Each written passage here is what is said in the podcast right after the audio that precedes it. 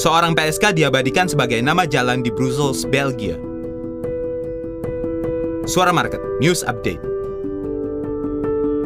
Dewan Kota Brussels akan memberikan nama jalan baru dari seorang pekerja seks komersial, PSK asal Nigeria, Eunice Osafande.